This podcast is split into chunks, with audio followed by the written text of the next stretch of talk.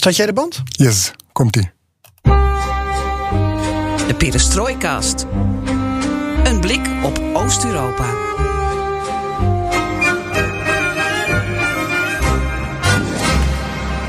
Welkom bij BNR Perestrooikast. Aflevering 105 van de enige podcast van Nederland die volledig oog voor het oosten heeft en geeft.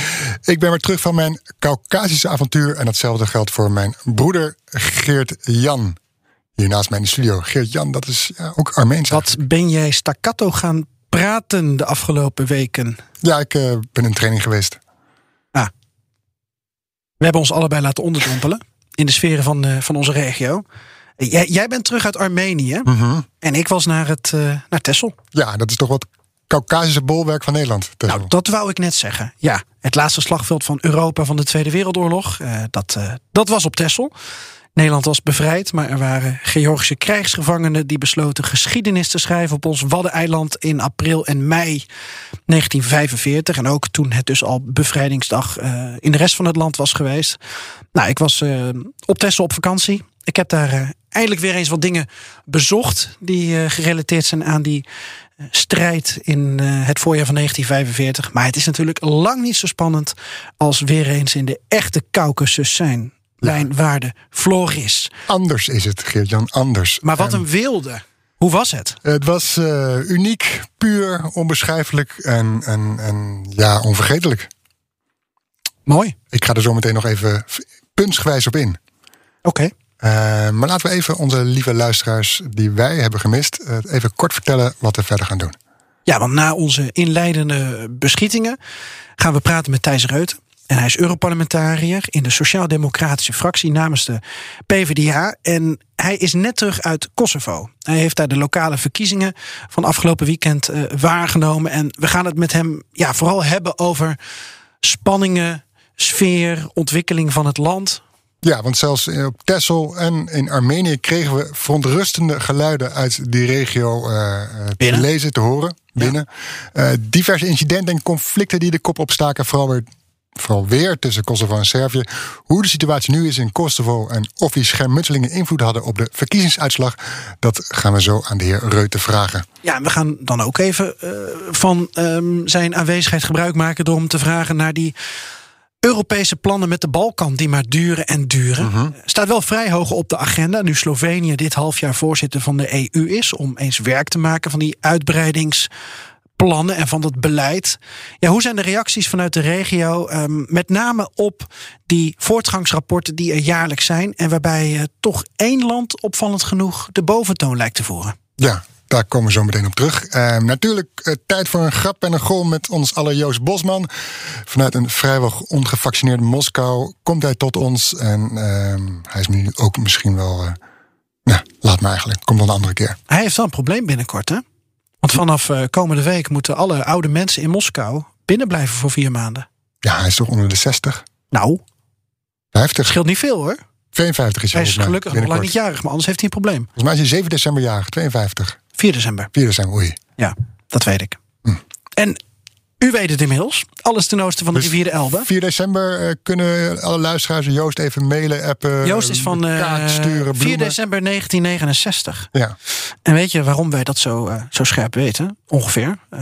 omdat zijn verjaardag, zijn 50ste verjaardag, was een van de laatste ware feestjes die we hadden voordat corona zich over ons uitstortte. Dat zegt, ja. Nou ja, ik werd vlak daarna vader, dus toen was het leven sowieso even ja, wat sindsdien anders. heeft Geert-Jan geen enkel feestje Maar meer. dat verjaardagsfeest van, uh, van de heer Bosman, toen hij even daarvoor overkwam in Nederland, samen met zijn tweelingbroer. In Renen. In Renen, ja, dat was legendarisch. Ja, Ja. zeker. Daar, uh, wees blij dat corona er toen er niet was, laten we het zo zeggen. Er gaat niks boven Renen.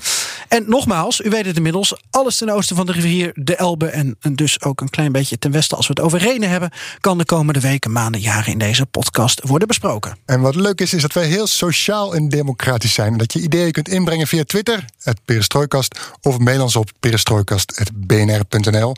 En daar doen we wellicht misschien wat mee. Jouw naam is Floris Akkerman. En de jou is Geert-Jan Haan. En dit is nog steeds BNR Perestrooikast.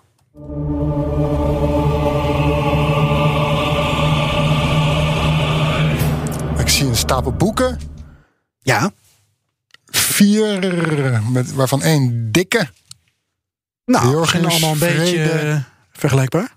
Idealist. Ah, dat, dat, dat Frank Westerman. Ja, dat is een heel mooi boek. Ah. Vind ik. Je denkt nu, uh, de luisteraar kan zien uh, wat er ligt. Nee, maar dat is een beetje teasen. Oh, nou mag ik het beschrijven. Ja, jij mag het nu. Uh, wat, wat ligt er allemaal voor onze neus? Ja, en waarom? En waarom? waarom? Dat ik. Wat ligt daar voor onze neus en waarom? Ja, omdat ik vakantie had. Mm -hmm. En dan sleep ik altijd een koffertje met, met boeken mee. In de, in de hoop dat ik tijd heb om ze te lezen. En nou ja, vier boeken. Vond ik best aardig. Ik had ook best lang even vakantie genomen. Mm -hmm. En dat is op zich met een, uh, met een kind van een jaar en negen maanden best een uh, prestatie. Want zij eist eigenlijk hele andere dingen van haar vader. Maar voor de meeschrijvers thuis, titels en auteurs. Frank Westerman inderdaad. Ingenieurs van de ziel. Of zeg je ingenieurs? Want jij schijnt ook fragiel te zeggen. Maakt mij niet uit, ga verder.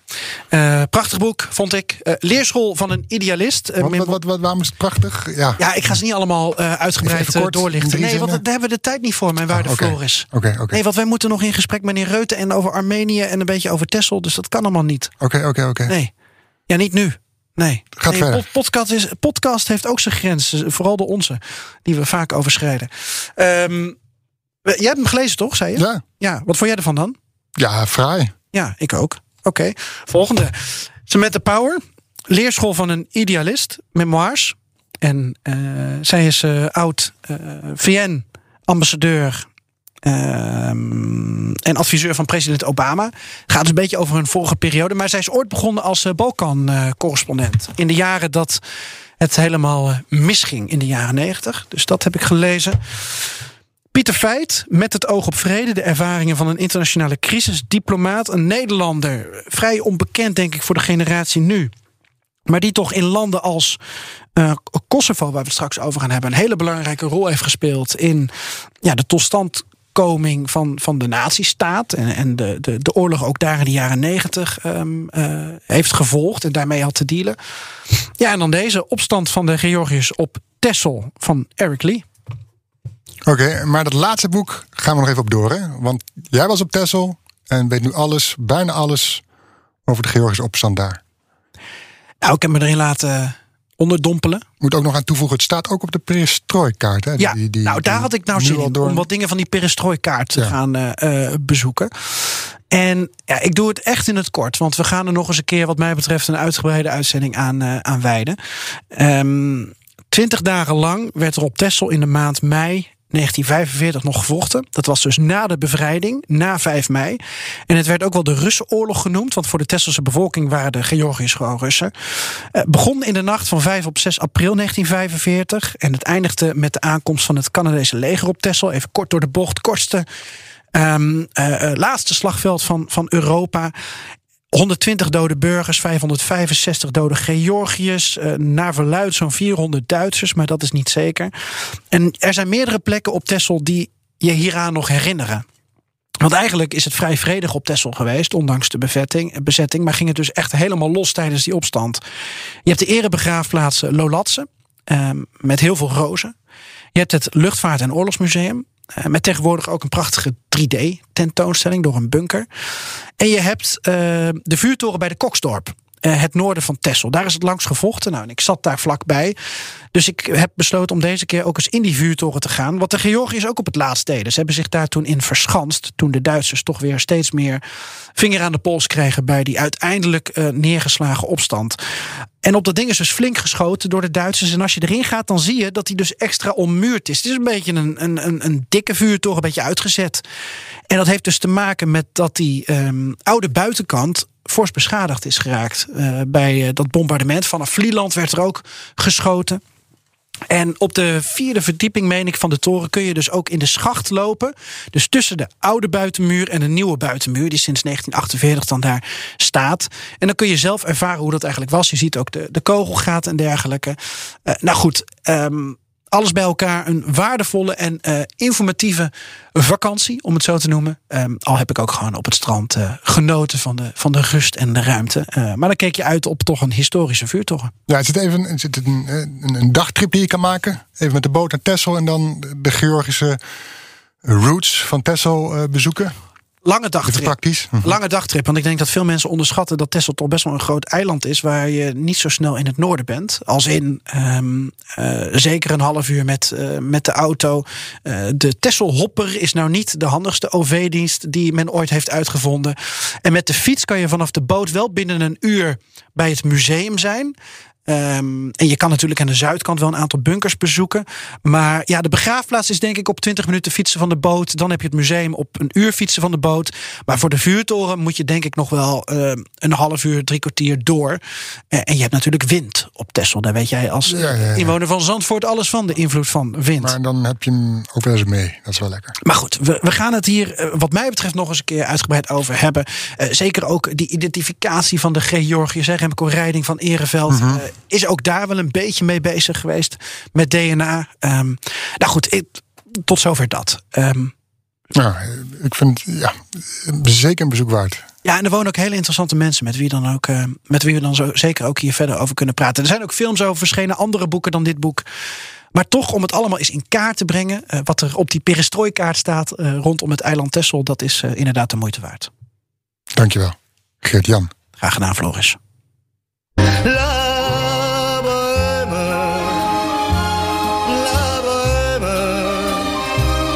Ça voulait dire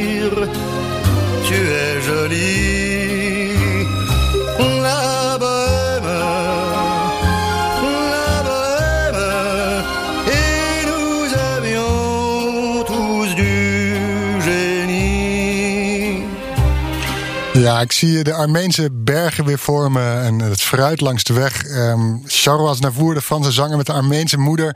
In 2008 kreeg hij de Armeense nationaliteit. En je ziet zijn beeldnis op straat in Jerevan en La Bohème. Dit nummer was het eerste nummer dat mijn chauffeur draaide in de autorit naar het zuiden, richting naar Gorno-Karabakh. Ja, zodat hij meer voor je kreeg van jou? Nee, dat was van tevoren. Dat maakt niet uit. Ik, ik, ik, ik, ik was helemaal een hogere sferen. Maar dat gelobby met die Asnavour door die Armenen, het is toch gewoon een Fransman? Ja, dat maakt nog niet uit. Kan de muziek toch wel mooi zijn? Ja, maar jij, jij zegt die Armeense bergen alsof die, alsof die daar, daar dan telkens over, over zingt. Het kan ook over de Alpen Nee, gaan. Ik zeg ook niet dat hij daarover zingt. Het gaat dan om het combinatie.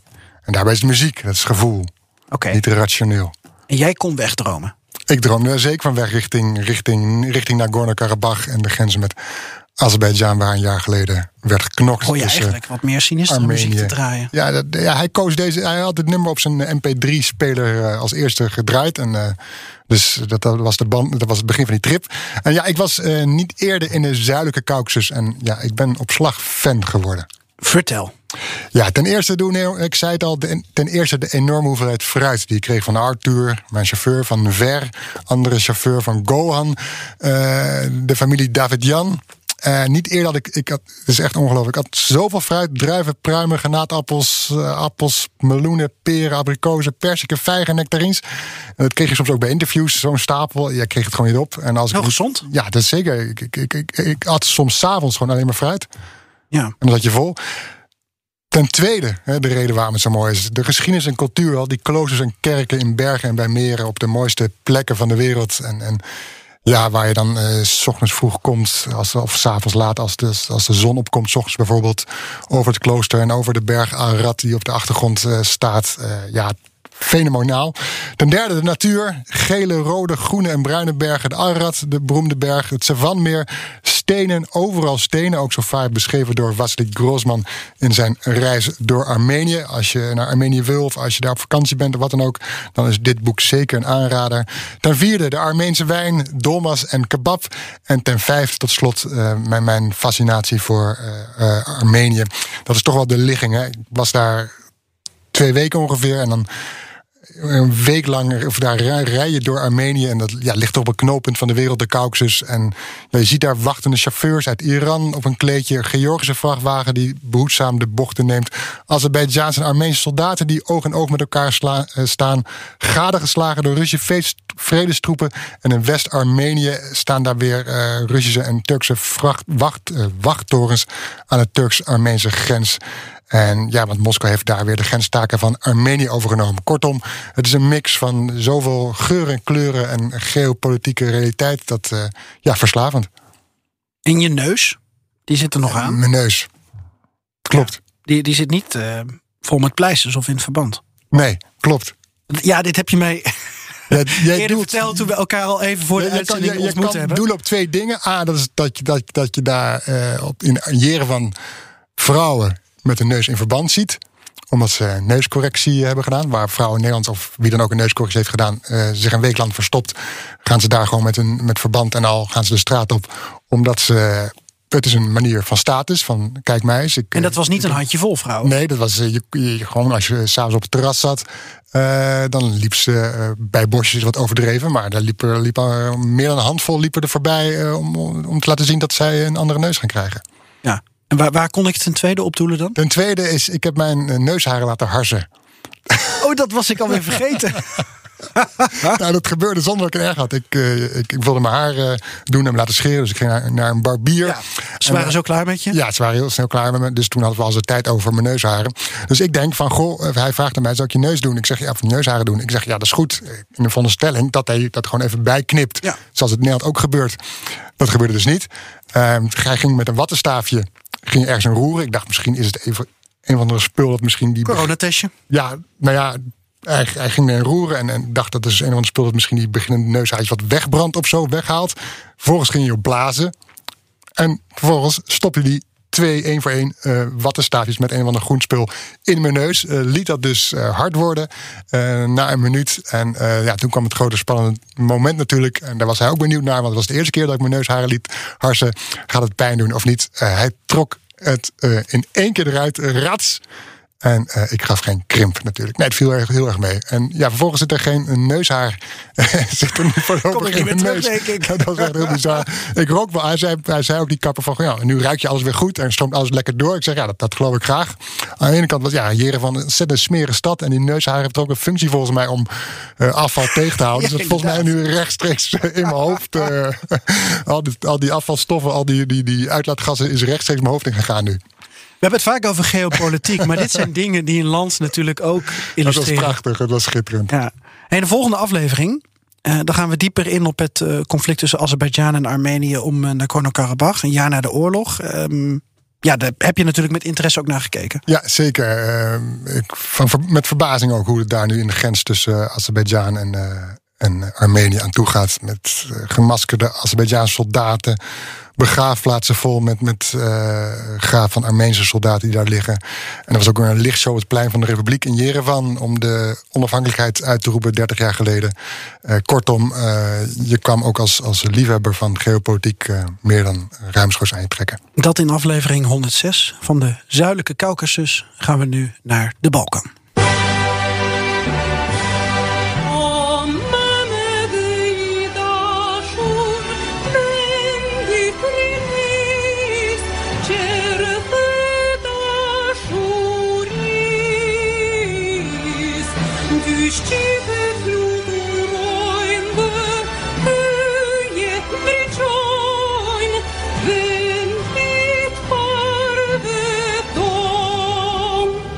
Of dit het jongste volkslied van Europa is, dat weet ik niet. Maar het komt wel uit het jongste land van Europa, Kosovo.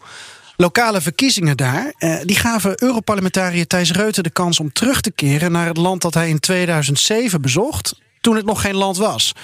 En dit keer, dit keer was hij er als verkiezingswaarnemer en reisde hij ook af naar Noord-Kosovo, gedomineerd door etnische Serven. Ja, dat bespreken we zo met hem. Thijs Reuten volgt namelijk ook de jaarlijkse voortgangsrapporten van de Europese Commissie voor de Balkan.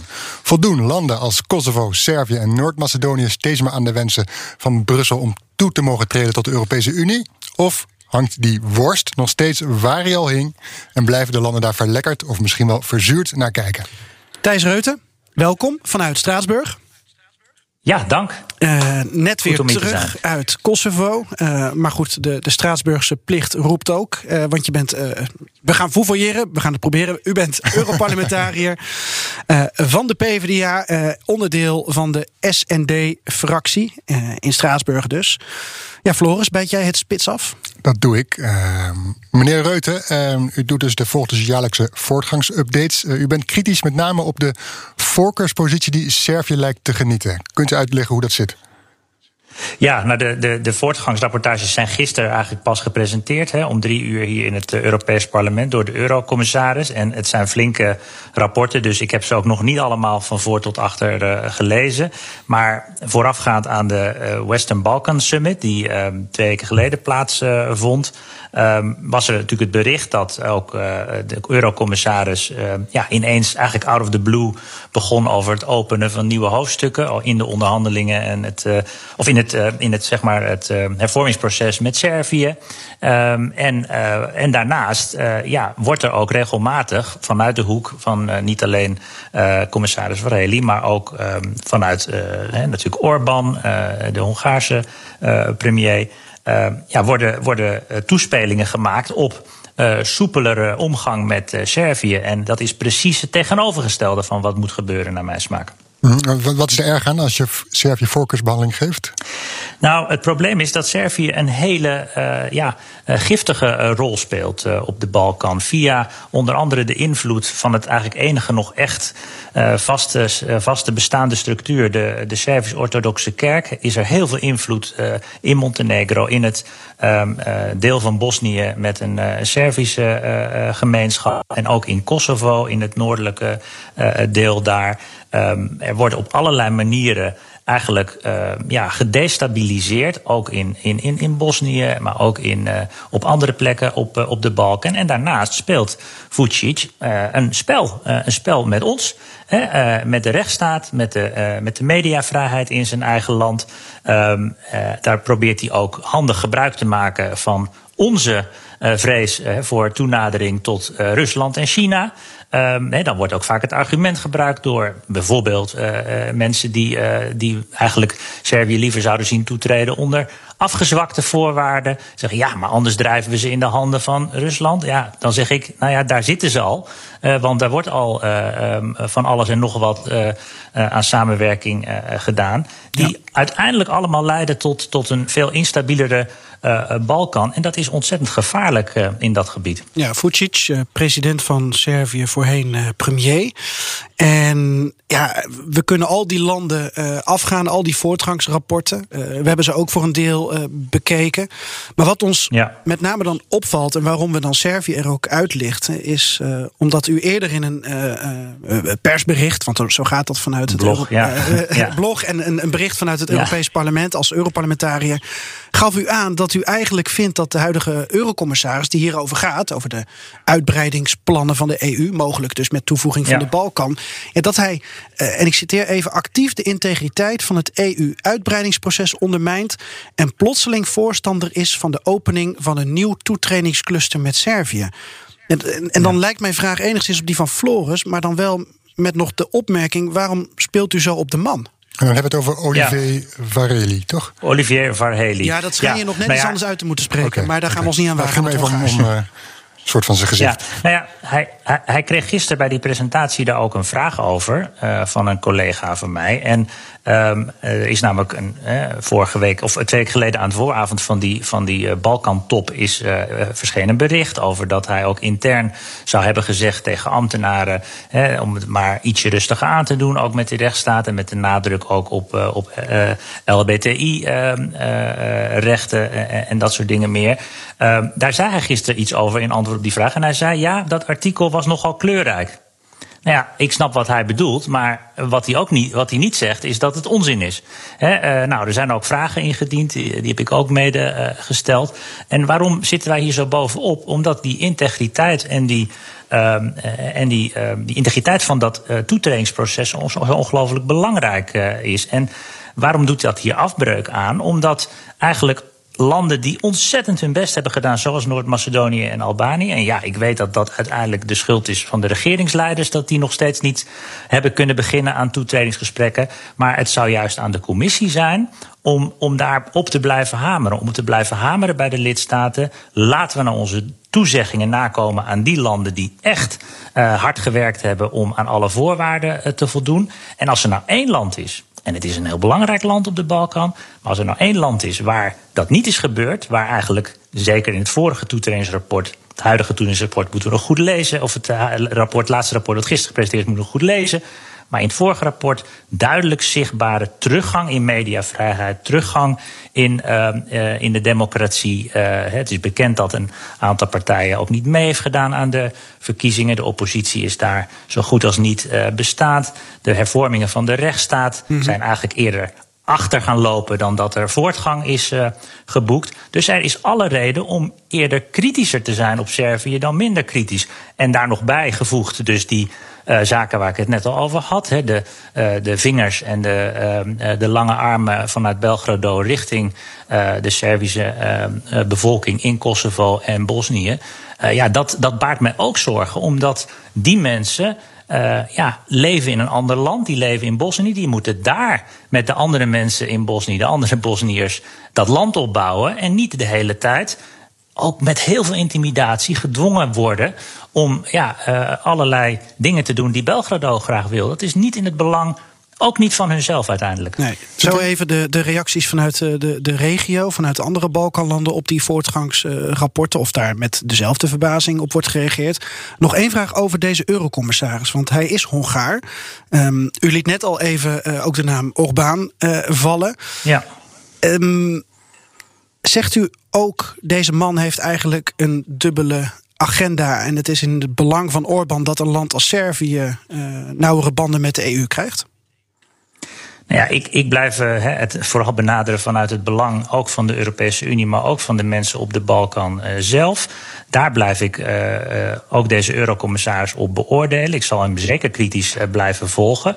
Maar ja, ik, ik, ik kan niet anders dan vaststellen, en, en dat kan ik verder ook niet hard maken uh, met, met, met, met, met bewijzen. Maar de teksten, de taal die komt uh, bijvoorbeeld vanuit Boedapest, maar ook van het huidige voorzitterschap van Slovenië. Um, dat uh, lijkt wel heel erg op elkaar. Hè. Er wordt lippendienst bewezen aan, aan een president, in dit geval van Servië, die een kwalijke rol speelt op allerlei plekken op de Balkan, die in zijn eigen land bezig is met een proces wat ook enigszins lijkt op wat er, uh, waar we deze week over gehad hebben in Polen. Ja. Een afbraak van de rechtsstaat ten einde uh, de macht naar je hand te kunnen zetten, niet meer afhankelijk te zijn van, van verkiezingen of, of oppositie. Dat is een hele slechte zaak. Ja, en laat ik het anders stellen. Deze eurocommissaris moet de zweem van dubbele petten, die moet hij weten te voorkomen. Ja, juist, juist hij, zou ik bijna zeggen, uh, moet uh, wat mij betreft uh, extra zijn best doen om daar ver weg van te blijven. Hè? Ja. Ik zal het vooralsnog met hem, hem moeten doen hier in Brussel. En dat doe ik ook graag in Brussel en Straatsburg. Maar ik zal hem wel kritisch blijven volgen. Zeg die voortgangsrapporten, want dat gaat om allerlei landen op de Balkan die nu nog geen lid zijn van de Europese Unie. Kroatië ja. bijvoorbeeld zit er al wel bij. Ja, wat valt daar nog meer aan op en hoe zijn de reacties vanuit de regio? Wat, wat, wat peilt u daar? Nou ja, wat, wat, opval, wat mij gisteren opviel bij de presentatie en ook uh, de reacties vanuit uh, mijn collega's van het Europees Parlement, is dat er eigenlijk vrij veel aandacht was voor Kosovo. Heeft niet alleen, denk ik, te maken met uh, de verkiezingen afgelopen zondag, waar ik, waar ik bij mocht zijn, maar ook met de recente spanning die weer wat oplaaide rondom de kenteken. de kentekenkwestie en, en, rondom een actie tegen de georganiseerde criminaliteit in, het, in de noordelijke gemeente van, van Kosovo. Ja, gaan we het zo allemaal over hebben? Gaan we zo ja. allemaal oh. de, in detail okay, uitleggen? vrij veel, vrij veel aandacht voor. Uh, en daarnaast, uh, vanuit het Europese parlement, is er vooral ook focus op het feit dat wij onze toezegging aan Albanië en, en, en, en Noord-Macedonië moeten nakomen. Ten aanzien van de door hun geboekte grote voortgang, die ja, uiteindelijk moet leiden tot start van die daadwerkelijke toetredingsonderhandelingen. Daarmee zijn ze nog niet, nog niet lid. Dat gaat nog heel lang duren. Maar zij hebben dat verdiend, zij hebben daar hard voor gewerkt. wat valt verder op? Um, ik denk dat uh, Montenegro, en dat is, was eigenlijk in het vorige rapport al zo, uh, echt te, te weinig heeft laten zien op het bestrijden van de corruptie. Dat uh, is, is daar ook een bekend, een bekend gegeven. is ook lastig. Het zijn relatief kleine landen met kleine economieën. Die zijn dus ook met elkaar verbonden. Die zijn ook heel makkelijk door de georganiseerde misdaad met elkaar te verbinden. Nou, dat is iets wat los van de hele toetreding ook heel erg belangrijk is voor Europa om die corruptiebestrijding te ondersteunen. Want die criminele netwerken uh, die hun gang kunnen gaan als de corruptie niet voldoende bestreden uh, wordt, die hebben uit weer vertakkingen uh, naar binnen de Europese, Europese Unie. Dus dat is in het belang van de mensen daar, maar ook van ons. Laten we nog even luisteren naar een uh, Nederlandse uh, andere politicus ehm, hierover, over uitbreidingsplannen met Balkanlanden. U wel bekend. -huh sign that Bulgaria is going to budge on North Macedonia? Uh, well, I think we have to wait to Bulgarian elections, but uh, I, am really uh, not happy with the fact that uh, the accession talks with North Macedonia are still blocked. I think uh, they should get deblocked uh, as soon as possible, and we know, of course, that probably will happen, hopefully after the Bulgarian elections, and we will try to do everything we can to make that make that happen. Ja, dit was een vraag van een Bulgaarse verslaggever volgens mij. Uh, ik weet niet of het de Bulgaarse BNR was, maar de lijn was uh, iets minder dan bij ons. Ja, ik zag deze eerlijk gezegd aankomen, meneer Reuten. Uh, dat Mark Rutte het zou opnemen voor Noord-Macedonië. Want ehm, afgelopen juni op het EK voetbal in de Amsterdam Arena zaten Mark Rutte en Zoran Zaev arm in arm uh, op de tribune. Uh, toen dat uh, nou, nog ja. een beetje tegen de coronaregels was. Maar ja, daar is denk ik het pleit beslecht dat Nederland ehm, toch voorstander is van uh, verdere gesprekken met Noord-Macedonië. Want eigenlijk hebben we daar jarenlang ook gewoon uh, een vervelende rol in gespeeld. Dus Noord-Macedonië liet Nederland ja. winnen? Ja. Oké. Ja, dat ook. Okay. En applaudisseren voor Goran ja. Pandev. Ja, dat, dat, zagen we ook. ja. Ja, de, twee, de twee landen, Albanië en Noord-Macedonië, zijn uh, tot nu toe eigenlijk altijd uh, als, als duo uh, behandeld. En de laatste keer dat Nederland daar nou ja, een, een blokkade heeft gelegd, ging het eigenlijk vooral over Albanië. Uh, nu die eigenlijk uh, al uh, van tafel is gehaald, ook die, de blokkade daarop van, van Frankrijk, hebben we het, een nieuw probleem. Hè? En zo is het gevoel in die landen natuurlijk ook vaak dat als je dan iets hebt opgelost, hè, en Noord-Macedonië heeft ook de naam van zijn land zelfs veranderd, is ook allemaal opgelost, dat dan is alles opgelost en dan komt er weer iets nieuws. Nou, dat is dan nu in dit geval het probleem met de Bulgaren, wat niet Albanië geldt, maar wel Noord-Macedonië. Nou, die twee landen blijven blijven nog steeds als duo behandeld uh, worden. En ik hoop dat inderdaad die Bulgaarse verkiezingen, maar dat moeten we nog maar zien, uh, ruimte gaan bieden om, om daarna stappen, stappen te zetten. de geluiden zijn vooralsnog niet al te hoopgevend nee. vanuit Sofia. Maar dit, dit, soort, dit soort zaken.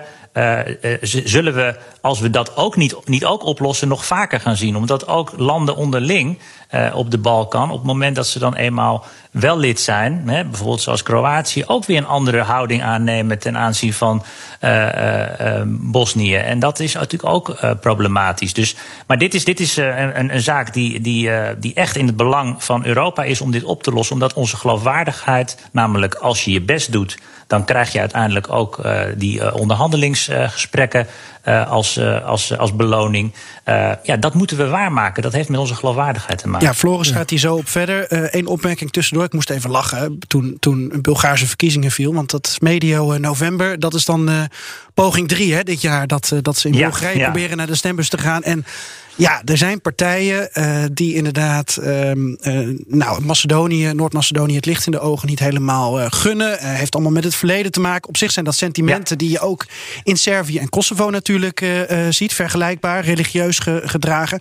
Daar komen we dan straks verder over te spreken. Ik dacht voor de meeschrijvers thuis. Verkiezing 3 in Bulgarije. Er is één land dat het bonter maakt dan Nederland qua verkiezingen. Dat is Bulgarije. Floris, jij wilde ja. verder met, met serieuzere zaken. Nou ja, jouw toevoeging, toevoeging was zeker serieus. Meneer Reuten, u had het noemde uh, zo even Frankrijk al als dwarsligger, blokkade. Nou is Frankrijk vanaf 1 januari opnieuw, of opnieuw, uh, dat zijn ze natuurlijk al wel eens eerder geweest, maar in ieder geval EU-voorzitter. Uh, Parijs is niet echt happig op EU-uitbreiding richting de Balkan. Dus je kunt verwachten dat ze het onderwerp niet hoog op de agenda zetten. Dat wordt weer wachten voor die landen, weer in de wachtkamer.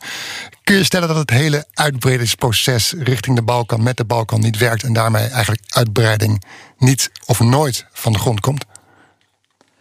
Nou ja, kijk, ik, ik, ik denk dat het uh, is natuurlijk verleidelijk om, om daar dan conclusies over te uh, trekken. Ik ben nog niet zo ver, maar ik ben het inderdaad wel uh, mee eens dat de. Zoals het nu gaat, kunnen we wat mij betreft niet verder. Ik, even los van mijn persoonlijke betrokkenheid, ook bij de Balkan, mijn persoonlijke overtuiging dat deze regio, die inmiddels al geheel omsloten is door de Europese Unie, als men aan de voorwaarden voldoet, als men ook echt die rechtsstaat in, uh, op, op het niveau heeft hè, wat, uh, wat, wat vereist is, et cetera, et cetera. Dat ik dan vind dat, het ook, dat ze ook bij de Europese familie zouden moeten kunnen horen. Maar zover is het inderdaad nog lang niet. Het proces uh, zit een beetje in de modder. Hè. Het is een beetje vast, uh, vastgelopen. En daar wordt dan telkens weer ja, uh, allerlei formuleringen over uitgestort. Hè, als onze voortdurende steun aan dit proces, unequivocal support. Um, dat, dat zijn wat mij betreft niet de juiste, uh, de juiste emotie. Er zit er niet de juiste emotie in. Ik mis de overtuiging van mensen dat deze landen er echt bij zouden moeten horen. Dat het niet alleen het belang is van die landen zelf, want dat staat eigenlijk op één. Ik zeg ook altijd als ik spreek met mensen uit die landen: de, de, de prijs is niet lidmaatschap, de prijs is een beter land. He, uh, je krijgt een beter land en natuurlijk zou dat uiteindelijk kunnen leiden tot lidmaatschap van die Unie. Dat is dan he, uiteindelijk het, het, eind, het eindverhaal. maar ik, ik ben het helemaal met, uh, met, met jullie eens dat, dat je inmiddels bijna zou gaan twijfelen wie dit eigenlijk nog wel wil. Maar u zegt, zo kunnen we niet verder. Hoe, hoe zou je dan wel verder moeten? Nou, ik denk dat dat zou in mijn, is ook mijn stijl van, van opereren. Wees eerlijk en bij wijze van spreken is het misschien nog beter, of in ieder geval eerlijker, ook naar die landen toe mocht je dat vinden, ik vind dat dus niet, maar mochten we dat met elkaar vinden en mocht dit eigenlijk allemaal ook voor een deel een toneelstuk zijn, dan denk ik dat je ook eerlijk moet zijn en moet zeggen: nou we gaan iets anders verzinnen om, om jullie op een of andere manier aan de Europese Unie te verbinden, want dat is strategisch natuurlijk ook van groot belang. Uh, hè, maar als landen dat werkelijk vinden, dat uitbreiding met, met alle Balkanlanden, uh, uh, of misschien met een, een aantal, maar als dat dat misschien helemaal niet niet uh, aan de orde is, ja, dan vind ik dat je daar ook eerlijk over moet zijn. Er zitten zeker in landen als Noord-Macedonië en Albanië, zijn de mensen echt gecommitteerd aan, uh, aan hun traject richting de Europese Unie. Ik vind het heel erg kwalijk en ook heel erg ja, unfair om, om dat als mensen eigenlijk aan het lijntje te houden. En dat geldt in, in mindere mate ook voor, voor Kosovo. Ehm, ja. Is er een land dat, wat u betreft, eigenlijk binnen nu en een paar jaar gewoon er, erbij zou kunnen horen. Ja, nee, die, die, kijk, dat is natuurlijk altijd die data noemen. Hè. Dat, dat, ik, die landen zitten ook helemaal niet te wachten op dat er nu een, een timetable komt met allemaal jaartallen uh, erin. Maar men wil gewoon de eerlijke, oprechte overtuiging horen, zoals die er ook was toen bij de uitbreiding naar, naar Oost-Europa. Jullie horen erbij. He, hoe lang het gaat duren weten we niet, maar jullie horen erbij. We willen jullie erbij hebben. Nou, en dat hoort men niet. Men hoort alleen maar steeds, heeft men het gevoel dat de doelpalen worden verzet uh, tijdens de wedstrijd. Ja, maar heb je dan, nou, heeft u dan één land waarvan u zegt van nou... Um, Noord, Noord-Macedonië Noord Noord en Albanië, uh, die hebben echt heel veel uh, voortgang geboekt. Uh, ik zou dat heel goed vinden als daar nu inderdaad snel die toetredingsonderhandelingen mee, mee worden, worden gestart. En dat ze ook binnen afzienbare tijd lid zouden kunnen worden van de Europese Unie. Ik zou dat goed vinden. Maar wat heel belangrijk is, ook bij, bij, bij die westelijke Balkan, is dat die landen, dat is ook een beetje de ironie ervan. De ironie is natuurlijk dat ze eigenlijk vaak ook te klein zijn om alleen een te kleine economie hebben, om alleen goed te kunnen overleven. Dus het zou voor die landen ontzettend goed zijn om binnen een groter geheel te passen. Maar dat grote geheel, uh, wat wij zijn, de Europese Unie, uh, wat ook voor de stabiliteit heel goed zou zijn, houdt ze uh, vooralsnog uh, op afstand. Hè? En dat, dat leidt op zichzelf ook al tot problemen. Dan moet je, moet je, zou je het ook niet anders kunnen aanpakken. Nu lijkt het alsof het alles of niets is. Hè? Je wordt lid of je wordt kandidaat of niet. Ja. Er zijn ook niet tussenfases, tussenstappen mogelijk. Zoals je, ja, je maakt een land uh, lid van de interne markt of geeft een bepaalde observeerstatus ja. bij een, een of andere. Ik noem even wat, de Raad van Europa. Of het schiet me even niet zo snel te binnen, maar in ieder geval zo'n zo'n orgaan. Um, is dat ja, niet... Is, ja. Ja, ze zijn al lid van een aantal uh, uh, andere organisaties. Mm -hmm. hè. Een aantal van de Balkanlanden zijn lid van de NAVO. Ja. Uh, Raad van Europa, inderdaad, noemde je al. Maar wat, wat, waar je natuurlijk voor moet oppassen, is dat, en dat is natuurlijk ook de agenda van een aantal landen, ook van een aantal EU-lidstaten, die inderdaad hè, die toegang tot die interne markt. eigenlijk nog best wel een goed idee vinden. Want dat is ook goed voor de economieën van al die lidstaten en van de EU als geheel. Maar die dan zou het kunnen dat je een soort ja, B-lidmaatschap uh, krijgt. Hè. Daar wordt door sommigen ook wel actief over gefilosofeerd. Uh, nou ja, goed, ik ben daar niet voor. Hè, maar als je dat vindt, zeg het dan. Hè. Uh, dat is een beetje mijn probleem met dit hele proces. Er wordt een Balkan Summit georganiseerd. Dat is zo ongeveer het enige goede nieuws dat die er was, die summit. Hè, maar daarop in die verklaring, die staat vervolgens vol met allerlei mooie woorden. Maar ik proef niet de echte wens, de echte wil om het te, uh, te gaan doen. Hoe lang het duurt, dat weet ik ook niet. Maar de echte wens om het te, uh, te willen doen, die lees ik er niet in. En dan zeg ik inderdaad. Nogmaals, ik ben er niet voor, maar dan zeg ik inderdaad: wees eerlijk. En zeg dan uh, wat, je, wat, je, wat je te bieden hebt. Maar op deze manier uh, doorgaan. Uh, hè, moeten we niet alle landen op één oog gooien. Ik denk dat Noord-Macedonië en Albanië een goede kans maken om toch uiteindelijk die onderhandelingen in ieder geval te gaan starten. Maar op deze manier doorgaan met dingen in het vooruitzicht stellen, eisen stellen. En als daar vervolgens aan voldaan wordt, toch weer uitstellen. Dat is uh, ja, erg, erg onbevredigend. En zeker ook voor jonge mensen in die landen die ik veel gesproken heb in de afgelopen jaren. Uh, die, hebben daar, ja, die hebben daar grote moeite mee. Ja, kunnen we ook even tot slot, voordat we naar Kosovo overgaan, uh, even kijken naar u en uw partij, de Partij van de Arbeid. En ook de Nederlandse politiek draagt verantwoordelijkheid in die EU-uitbreiding richting ja. de Balkan. Daar zijn we ook ja, uh, lang niet altijd even duidelijk in. Uh, ook uw partij, als ik dat lees ja. in, in eerdere documenten, lijkt ook niet altijd even standvastig in, het, uh, in wat willen we nou eigenlijk met de Balkan. Uh, eerder schreven Lodewijk Asscher en Kati Piri, uw voorganger in het Europarlement, dat de Balkanlanden niet rijp zijn voor de EU. ze kwamen met een rij bezwaren, waaronder ook dat ze schreven de EU moet het geopolitieke belang van de westelijke Balkan niet simpelweg vertalen naar het zonder meer opnemen van fragile landen. Dat geopolitieke nee. belang dat wordt nu vaak opgeworpen als argument om die landen, de, de Balkanlanden, naar, naar de EU te halen. In, in, in strijd met Rusland, China en Turkije. Um, maar je ziet hier ook wel weer dat aantrekken en afhouden van de Balkan. Uh, wat, wat, wat moeten we ermee? Die wisselende uitspraken, standpunten ook bij uw partij. Is, is, is de Partij van de Arbeid daar dan ook niet debet aan, aan dat, ja, die onduidelijkheid richting de Balkan? Nou het probleem is ook vaak dat ze natuurlijk ook als één groepje worden uh, behandeld. Hè. En uh, inderdaad, hè, er is natuurlijk eerder uh, ook gezegd... het is, je moet die, die Balkan als geheel ook niet tot elke prijs hè, willen binnenhalen. Ik heb dat zelf ook, ook net, net gezegd. Je moet goed kijken of ze aan die voorwaarden voldoen. Ook niet je door het valse argument dat je ze anders in de armen van anderen drijft... Hè, laten chanteren in feite. Dus daar ben ik het zeker eens met, met wat wat Ascher en Piri eerder schreven. Maar in ons verkiezingsprogramma voor de Europese verkiezingen zijn we daar wel vrij helder over. Landen die aan de strenge, steeds strengere voorwaarden van, de, van de Europese Unie voldoen, ja, die verdienen het dan ook als dat uh, de belofte is geweest, om, om die onderhandelingen uh, te starten. Um, en, en, en, voor het overige um, is, het ook, is, het ook, is het ook zo dat wij beter moeten kijken naar wat, uh, wat, er, wat er ook met die landen gebeurt in de context van de Europese Unie. Ze zijn omringd door de Europese Unie, ze hebben al banden uh, met, uh, met Europa. ja, ik, vind, ik ben in ieder geval dan misschien iets aan de enthousiastere vleugel ook van mijn eigen partij. Als het gaat om het bieden van dat perspectief aan die, aan die mensen. Voor mij zijn het zijn het al Europese landen, maar ze zijn nog niet lid van de Europese Unie. En als er een kans is om die uh, landen daar op een goede manier, want dat staat voor mij wel op nummer één, op een goede manier voldoen aan de voorwaarden bij de Unie te, uh, te kunnen betrekken, dan zou ik daarvoor zijn. We gaan naar Kosovo.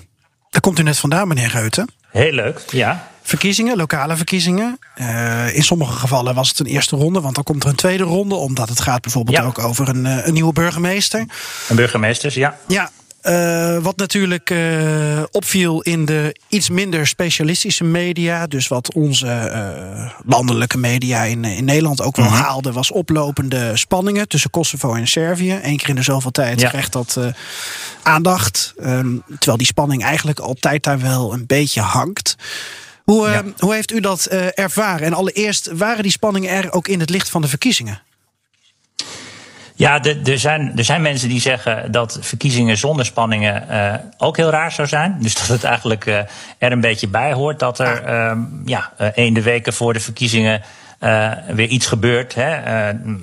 In dit geval hè, kan ik me toch niet aan de indruk onttrekken dat er zeker ook vanuit Belgrado hè, laat ik het zo zeggen, het kwam, men kwam ze daar niet heel slecht uit om een, een relletje te hebben. Omdat dat natuurlijk de kiezers in, um, in de noordelijke gemeente, de gemeente met een, uh, een, een Servisch-Kosovaarse meerderheid, uh, natuurlijk ontzettend motiveert om naar de, naar de, naar de stembus uh, te gaan.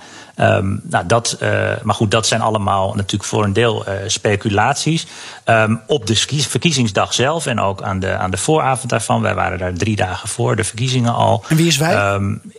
Ik en de waarnemersmissie, sorry, ja, dat moet ik even uitleggen. Er zijn ontzettend veel uh, waarnemers uh, op pad, uh, ook van de OVSE, ook lange termijn waarnemers die al veel langer voor de verkiezing in het land zijn om ook de campagne goed te volgen. en binnen die inzet van vanuit de Europese Unie voor zo'n verkiezingswaarneming, voor zo'n ja, monitoringsmissie, is er dan een. Ook een delegatie vanuit het Europees Parlement, met in dit geval zes Europarlementariërs, en daar was ik er één van. Um, die dan ook op verkiezingsdag en in de dagen daarvoor uh, zijn we dan in het land, maar op verkiezingsdag de verkiezingen monitoren door stembureaus te, te bezoeken, door uh, te kijken of, of de procedures eerlijk en uh, transparant verlopen. Moeten we het even over dat relletje hebben? Daar refereerden we. Om dat, om dat uit te leggen? Ja, ja ik weet ook nooit zo goed wat je er. Uh, dan toch? Voor, wat voor status je het moet geven. Is het een relletje? Is het een, een incident? um, valt het allemaal samen binnen goed, dat hele er? conflict? Nou, voor nou, er, waren, er waren ja, eigenlijk twee dingen. Je had de, de kwestie met de je had de kwestie met de kentekens. En ja, uh, ja voor, voor, de luisteraars, ik zal ongetwijfeld ook wel weer iets uh, niet helemaal goed zeggen. Maar wat ik, hoe, ik het, uh, hoe ik het in ieder geval gezien heb ook, hè, met mijn eigen ogen in Mitrovica, in, in het noorden van Kosovo, is dat je daar dus enerzijds auto's hebt die gewoon een Servisch kenteken hebben, dus van het land Servië. Die zijn daar in die gemeente, hè, wordt daar gewoon mee uh, gereden. Maar die kunnen met dat Servische kenteken niet in de rest van Kosovo rijden. Dus die kun je alleen maar gebruiken hè, als je zo'n auto hebt in het uh, uh, noorden van Kosovo. Um, veel mensen van die Servische Kosovaarse uh, gemeenschap hebben ook naast het Kosovaarse paspoort een Servisch paspoort. Um, dan zijn er dus nog de kentekens van het land Kosovo. En je hebt nog kentekens waar dan een stickertje op, op zit, omdat men dan in het Servisch uh, Kosovaarse deel van Kosovo uh, geen kentekens wil met, uh, of die Servische mensen die daar wonen, die plakken dan witte stickertjes op die letters van um, Republiek Kosovo. Oh, ja. hè? omdat ze dus niet ehm, willen rijden met een kenteken van een land wat door nou ja, het land Servië hè, niet erkend wordt hè, maar waar zij wel onderdeel van zijn. Uh, ja, het is, het is een uh, buitengewoon ingewikkelde uh, situatie. voor ons ook best lastig te, te, te begrijpen. Ik heb, ik, heb, ik heb mijn beste, best gedaan. Maar het, is, het heeft dus eigenlijk heel veel te maken met emotie. Maar er zit natuurlijk ook iets achter. Er zit ook achter dat uh, de, uh, de Servische autoriteiten uit Belgrado dus ook paspoorten geven aan die Servisch-Kosovaarse gemeenschap. Die mogen natuurlijk vervolgens ook weer niet gebruikt worden als identificatie mm. bij de verkiezingen. Want dan moet je je Kosovaarse identiteitskaart meenemen. Nou, dat was iets hè, waar wij dan ook naar keken. Hè, puur als observer, puur als waarnemer van die verkiezingen. Dus dat heeft verder niets te maken met wat je daarvan vindt. Maar je moet beoordelen en kijken of um, de stembureaus de juiste legitimaties uh, uh, controleren. En of mensen die uh, ook die, die toegestaande identiteitsbewijzen gebruiken bij die, bij die verkiezingen. Maar dat zijn allemaal dingen die daar ja, zorgen voor extra spanning. En dan was er nog een tweede incident. Er is een actie geweest van de Kosovaarse politie in uh, Noord-Mitrovica. Wij zijn ook langs dat kruispunt gereden waar dat, uh, waar dat gebeurd uh, is. Daar was verder ook niets meer van te zien, maar dat was een actie gericht eigenlijk tegen een crimineel netwerkje. waar helemaal niet alleen Servisch Kosovaarse mensen deel van uitmaakten. Integendeel, er waren juist vijf Albanese Kosovaren bij betrokken bij die arrestaties. En één Servisch iemand en nog één iemand uit Bosnië, geloof ik. Maar dat werd wel door uh, Belgrado weer aangegrepen om nou ja, diezelfde middag de president richting de Servisch-Kosovaarse grens te sturen. Oh ja. En uh, die, had, die had ook een Russische diplomaat bij zich met een defensieattaché. Ja, uh, ik vind dat allemaal buitengewoon merkwaardig. En niet bijdragen aan welke sfeer of uh, oplossing dan ook. Maar dat is wat er, wat er gebeurde. En wat dus tot, uh, aan de voorraad van de verkiezingen tot extra spanning leidde. Ja, misschien even voor de mensen die denken ik heb de, dat, dat ze de atlas er even bij kunnen pakken. Of de Google Maps of wat dan ook. Kent de atlas uit uh, de vorige aflevering, toch? Ja, die heb ik, die heb ik niet bij me. Maar Mitrovica, dat is dus um, het noorden van Kosovo. je hebt ook nog ja. Noord-Mitrovica. En dat ja. is met name dan het gedeelte waar de Servische ja. minderheid, voorheen meerderheid natuurlijk. Um, ja, maar in, die, maar in die gemeente zijn ze dus in de meerderheid. Hè? Ja. Dus, uh, en dat zie je ook uh, bij de dus uitslag dus, van de stemmingen natuurlijk altijd terug. Ja, dat is 97 procent uh, stemt dan op één partij. Dat is ook een van de, van de dingen die wij als waarnemingsmissie bij de persconferentie ook hebben gezegd. Hè. Er is, het is op zichzelf natuurlijk helemaal prima dat Servisch-Kosovaarse die mensen op Servisch-Kosovaarse kandidaten stemmen. Hè. Maar het zou goed zijn als dat meerdere partijen zouden zijn en niet één partij. En het zou ook heel goed zijn als het niet voelt als een soort opdracht. Want dat is het nu in feite. Je, behoort, je, bent, je, wordt, je bent geen goede burger, hè, geen goede Serviër, als je niet in Kosovaars, uh, Servisch-Kosovaars deel van, van Kosovo op Srpska lista hebt, uh, hebt uh, gestemd.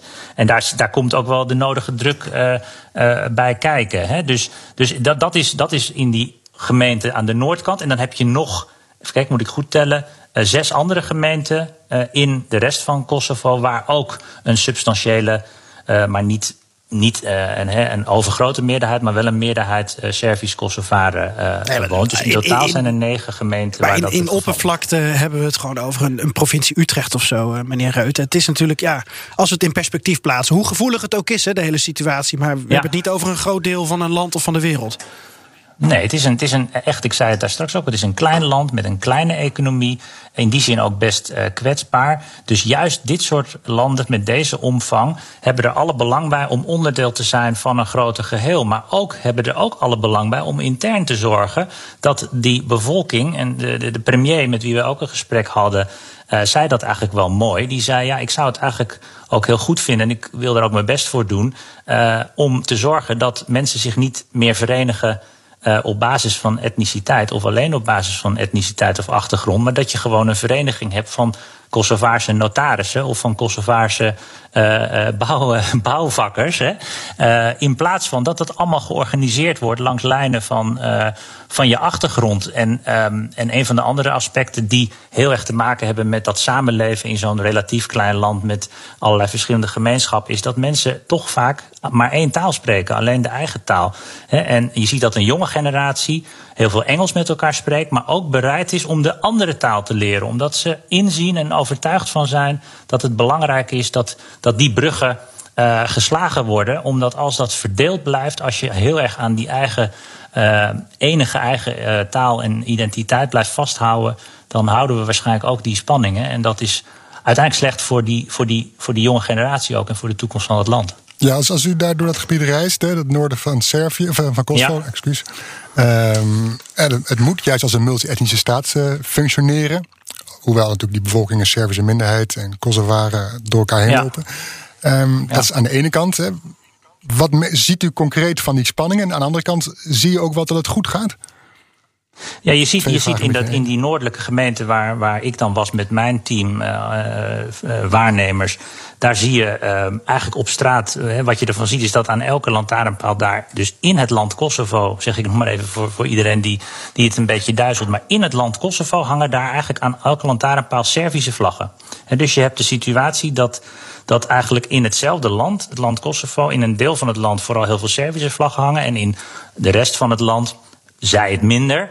Maar zie je op heel veel plekken zowel de Kosovaarse als ook de Albanese vlag. Dus je hebt te maken met een land waarbij de eigen vlag eigenlijk in ieder geval uh, meestal ook uh, uh, vergezeld wordt van de vlag van een ander land. In dit geval het buurland Albanië. En in het Servisch, in het deel met een Servische meerderheid, hangt het vol met vlaggen van het andere buurland, het buurland Servië. van spanning op straat op verkiezingsdag uh, was eigenlijk heel weinig uh, te merken. Er stond in het midden van Noord-Mitrovica, in het hart uh, van Noord-Mitrovica, één KFOR. jeep hè, van de um, KFOR-troepen. Um, dat waren Zwitsers. Ja, de, de, de Kosovo Force, de door de NAVO ja, geleide ja. internationale militaire eenheid ja. in Kosovo. Ja, het duizelt af en toe van de afkortingen in dat land. Want je hebt de EULEX nee, maar en laten we dat, de UMNIC. Ja, laten we dat goed uitleggen vooral. Uh, ja, nou dat is, dat is op zichzelf nog weer een heel apart verhaal. Uh, UNMIC, die natuurlijk in het begin, uh, toen Kosovo nog niet echt een land was, verantwoordelijk waren ook voor het bestuur. Ja, dat is nu ook een, een, een, een een, een, een, organisatie vanuit de VN natuurlijk. Maar het feit is ook dat een deel, de helft ongeveer van alle lidstaten van de VN, dat land Kosovo weer niet erkent. Dus dat brengt. Maakt, het, maakt het voor die missie ook weer moeilijk. Nou, dat was weer een heel, hele toestand bij de algemene vergadering van de VN, waar de president van Kosovo uh, sprak en waar een vertegenwoordiger van UNMIC. Uh, uh, sorry, het was niet de AVVN, maar het was een andere bijeenkomst in New York waar zij sprak en waar vertegenwoordiger. Gaat, gaat, het ook wel eens, gaat het ook wel eens goed tussen uh, daar in Noord-Kosovo? Uh, in Kosovo zonder afkortingen, Floris, heel goed. Ja, ja. gaat wel eens samen naar de bioscoop? Ik noem even wat. Of, uh... Nou, kijk, het, ik, kijk ik, ik, was er natuurlijk uiteindelijk in die noordelijke gemeente maar één dag, hè, op verkiezingsdag. het belangrijk voor ons was om te zien vooral dat die verkiezingen goed gaan. We zijn ook in een want die zijn er ook in die noordelijke gemeente stembureaus geweest met een overwegend Albanese-Kosovaarse uh, uh, kiezers, uh, kiezerspopulatie. voor ons was het natuurlijk belangrijk of die verkiezingen eerlijk en goed verliepen. Dat was het geval.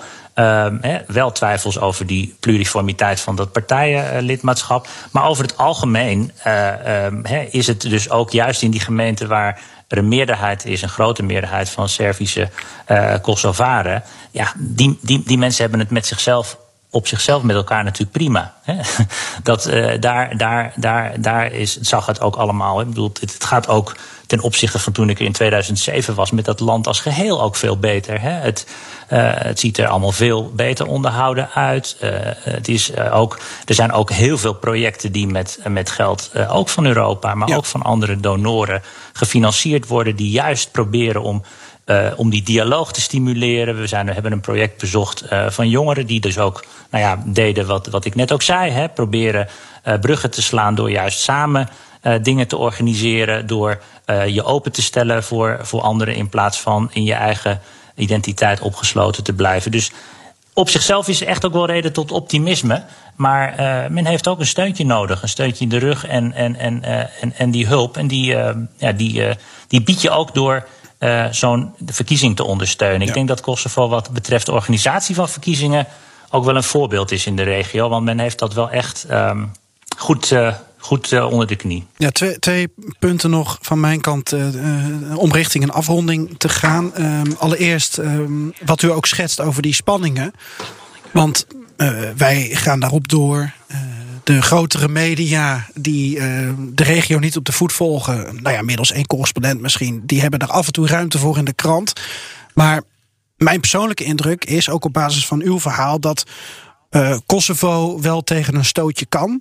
Dus al die incidenten die nu plaatsvinden, ja, als er dan commentaren zijn zo van dit loopt uit de klauwen en binnen de kortste keren is het weer oorlog. Kijk, je moet niet verder gaan provoceren. Maar mijn indruk, ook op basis van wat u zegt, is um, we kunnen rustig slapen, want Kosovo heeft inmiddels het bestuur dermate op orde dat dit even een keer kan gebeuren. Is dat een correcte waarneming? Mm, ik zou zeggen, in eerste instantie ja, en dan nuanceer ik het daarna wel weer een beetje. Maar ja, eh, ze hebben zeker het bestuur uh, intern uh, best goed op orde. Ik heb ook uh, zelf kunnen vaststellen door de gesprekken die we aan de vooravond van de verkiezingen hadden met vrijwel alle politieke partijen, dat ook de democratische cultuur echt volwassen is geworden. Uh, men uh, heeft, zegt ook, ja, we hebben verloren. In maart waren er parlementsverkiezingen. Er zijn een aantal partijen die daar uh, de slechtste uitslag ooit hebben geboekt. Die hebben dat verteerd. Die zijn weer met energie aan de slag gegaan. Dat hoort bij een democratie, dat je af en toe verliest en dat er af en toe iemand wint. In dat opzicht is, ook, is Kosovo ook, denk ik, een, een, een voorbeeld in, in de regio. Of het nou snel uit de hand kan lopen. Ja, uh, ik ben ook niet van de, van de onheilsprofetie en uh, roepen maar dat het zo voor je het weet weer oorlog uh, is. Maar het is wel zo dat juist op de Balkan, dat, dat, dat, dat, dat, is ook, dat zie je ook in, in het Bosnië, in het Servisch deel van Bosnië, met, een, met iemand als Dodik, hè, om nog even een nieuwe naam te introduceren. Ja. Ehm, daar, daar, daar zie je toch. Ja, dat weet je wel, dat is de, dat Die is, de, de leider van het van, ja, van de Republika Srpska, wat we niet zo noemen, hè, maar het Servisch deel van, Oh, van Bosnië. Um, nou ja, dat, dat mag van mij wel hoor. Maar uh, dat is het Servisch deel van Bosnië. En die Dodik, uh, ja, die uh, is bijvoorbeeld ook iemand die de, de genocide in Srebrenica ontkent. Hè. Nou, dan, dan, dan, dan fronsen wij sowieso, denk ik, allemaal onze, onze wenkbrauwen al. Ja. Maar die man is, is buitengewoon, buitengewoon slecht voor wat men daar ook in Bosnië te doen heeft. Maar we blijven even bij Kosovo. Ja, ik in Kosovo dat, zie ik dat dus lijkt me goed. heel, ja, zie ik heel veel positieve signalen. Maar er, is, ja, er is van alles aan de hand. Ook wat wij allemaal niet zien, inderdaad. En ik ben ook uiteindelijk maar een, iemand in het Europees Parlement die daar een paar dagen weer is geweest. En dat een beetje van een afstandje ziet.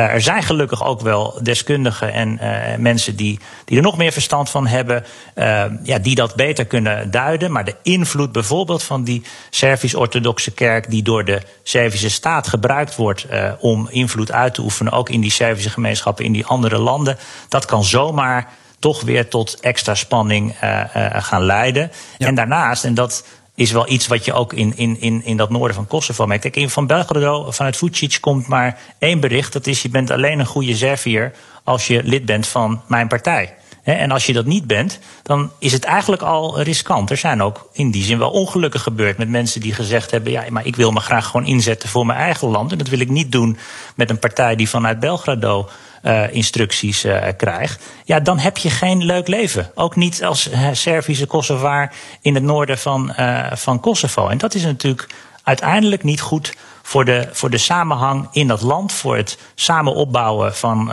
van het land Kosovo. Maar ik vrees ook, en daar ben ik ook realistisch in, dat we daar nog wel een tijdje mee zullen moeten leven hè, met, die, met die spanningen. En, en ik hoop dat als, het, als de spanningen toch oplopen in deze of gene plek op de Balkan, dat de mensen uiteindelijk toch hun hoofd een beetje koel houden. En ja, dat is blijven altijd, denken aan verstandig. Ja, proberen Geert-Jan en ik ook altijd tegen ja, elkaar. Ja, nee, wij gaan dan vaak een dagje uitwaaien in Zandvoort. Ik weet niet of ik dat uh, de mensen op de Balkan dan uh, moet aanbevelen. Maar, uh, Zandvoort of uh, gewoon Als ik de Albanese kust kunnen ja. ook goed uitwaaien natuurlijk. Maar dat zullen de Serviërs dan weer niet willen. Nee. Tot, tot slot... Um, en daar koppel ik even uh, nogmaals een van mijn leestips aan. Uh, tijdens mijn uh, vakantieperiode heb ik ehm, Pieter Feit gelezen met het oog op vrede. Ervaringen van een internationale crisisdiplomaat. Die een belangrijke rol speelde, de Nederlander, in uh, ja, de, de, de totstandkoming van een nou, soort van succesvol Kosovo. In ieder geval de opmaat naartoe. En wat mij nogmaals opviel in dat boek, en dat is denk ik goed om te benoemen voor de luisteraar, is het, het, de gedachte achter Kosovo is dat het een succesvolle multi etnische staat is. Er zijn natuurlijk veel mensen die, die al die tijd ook denken van... joh, hoe kan het dan dat zo'n klein stukje Kosovo... dan gewoon niet um, bij Servië is betrokken op een gegeven moment. En dat dat dus onderdeel is van een, een gemeenschap, van een land... waar vooral nu heel veel Albanese Kosovaren wonen. En dat heeft dus te maken met het idee van feit. En daarachter zat ook VN-diplomaat Attessari. Die dus in de ja. jaren negentig en later in de nullies.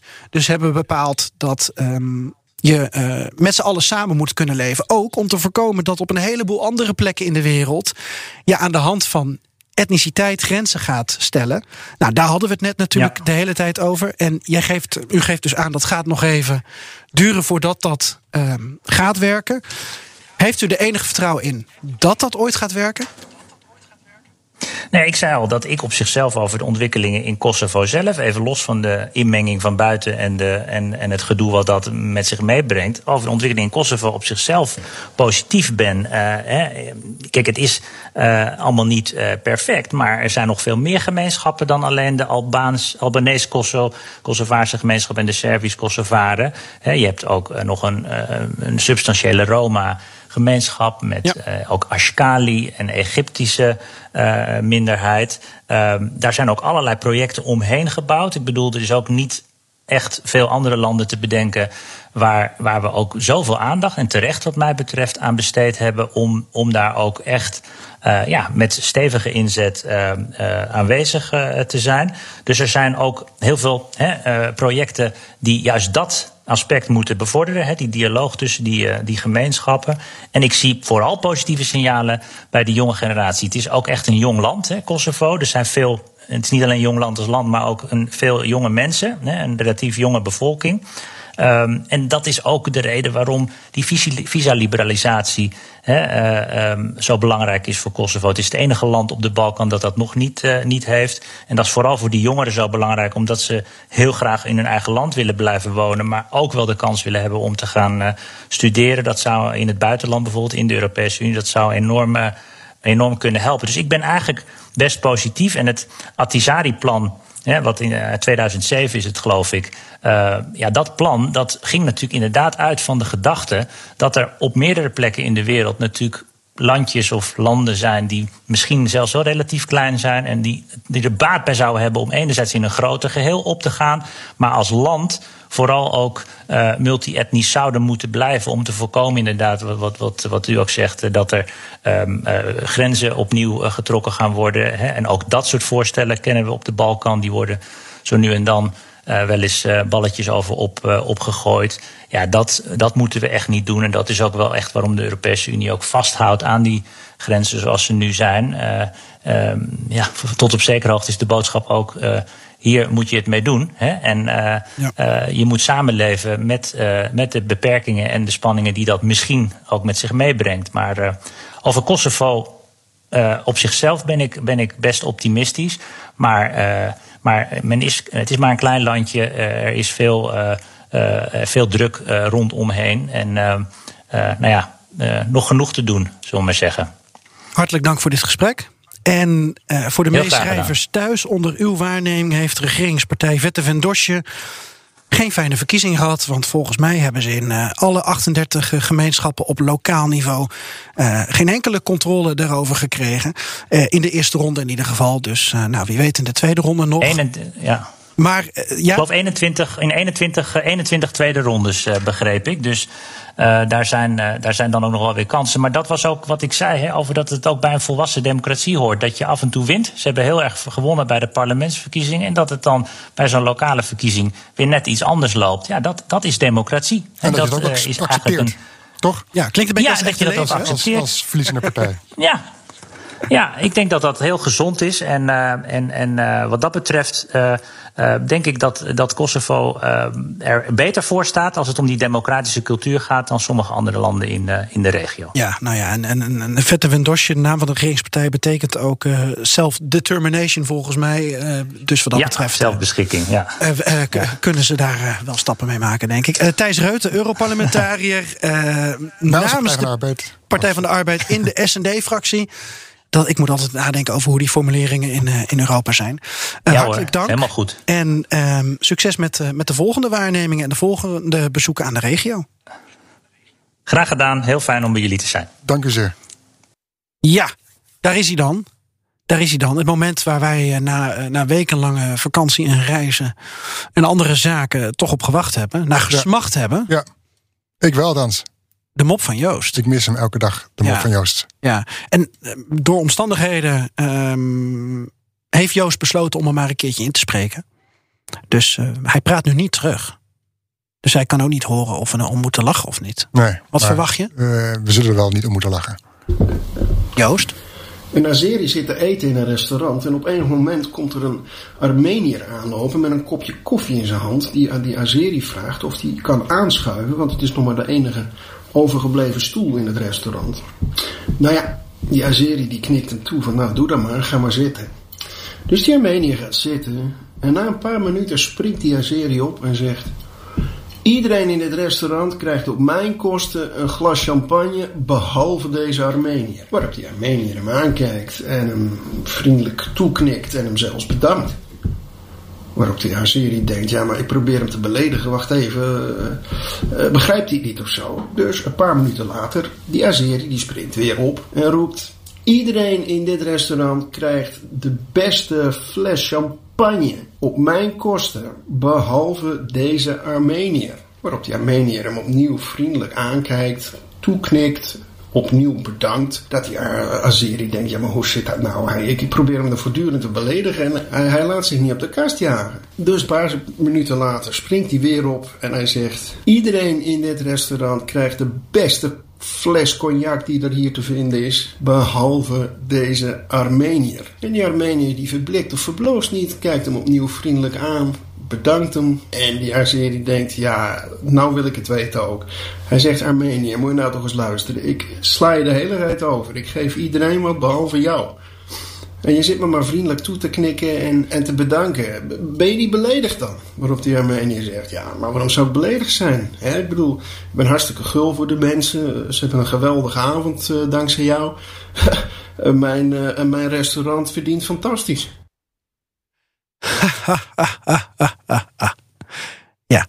Dankjewel Joost, klasse dat je er dat je weer een, uit je mouw hebt weten te schudden op 51-jarige leeftijd. Ja, oh ja, inderdaad. Ja, dat, um, maar daar kan hij niet op antwoorden nu. Dus dat, de volgende keer gaan we het weer over zijn leeftijd hebben.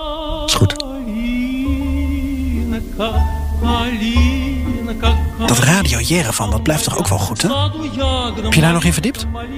Oké, okay. kom ik volgende week wel even op terug dan.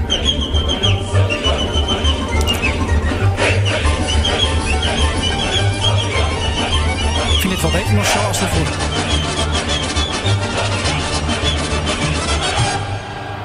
Paka. Aito.